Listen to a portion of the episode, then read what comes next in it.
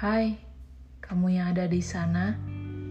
Namaku Di, dan aku ada di sini untuk kamu.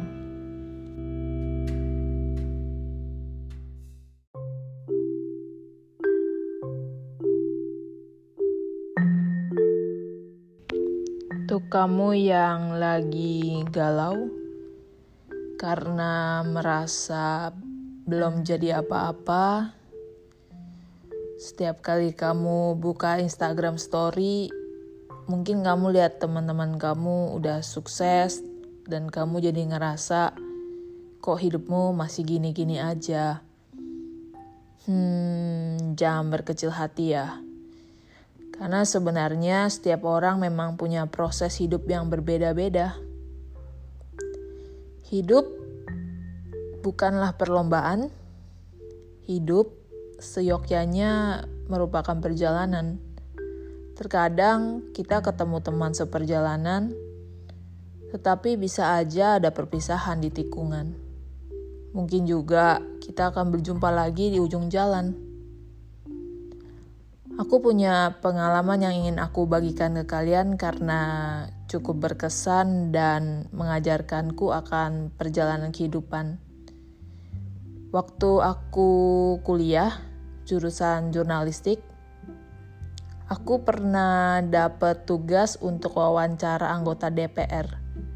Waktu itu aku wawancara Pak Budi Mantanurejo.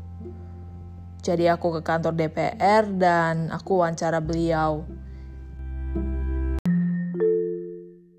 Selesai wawancara, aku sempatkan untuk bertemu dengan temanku yang juga kerja di DPR biasa uh, ketemu ngobrol apa kabar dan lain-lain.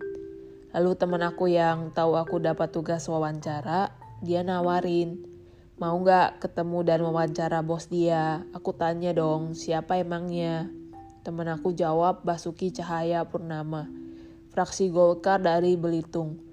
Namanya pada saat itu asing banget, aku nggak pernah dengar dan nggak pernah lihat dia di TV-TV.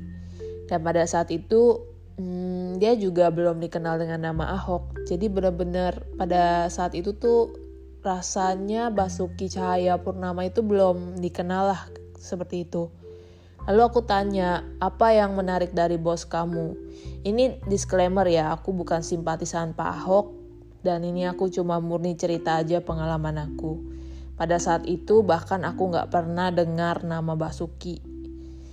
Dia bilang, hmm, Bos aku orangnya jujur, galak sih, tapi rajin gak pernah bolos.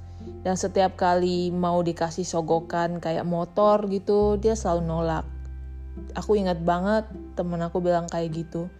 Dan tapi karena nama Basuki pada saat itu belum terkenal, aku juga jadi nggak gitu tertarik gitu dalam hati. Makanya aku jawab temen aku, uh, aku bilang gak usah deh soalnya aku gak pernah dengar namanya kayaknya gak terkenal. Apalagi dari Belitung kan gitu. Luar biasa kan. Dan sekitar dua tahun kemudian kalian tahu dong apa yang terjadi. Pak Ahok jadi wakil gubernur, gubernur, dan hilir mudik di televisi terkenal apa yang saya rasakan? Tentunya saya menyesal. Dan waktu saya magang di Metro TV, saya masih inget banget saya akhirnya minta foto dong sama Pak Ahok. Orang yang saya tolak dua tahun lalu.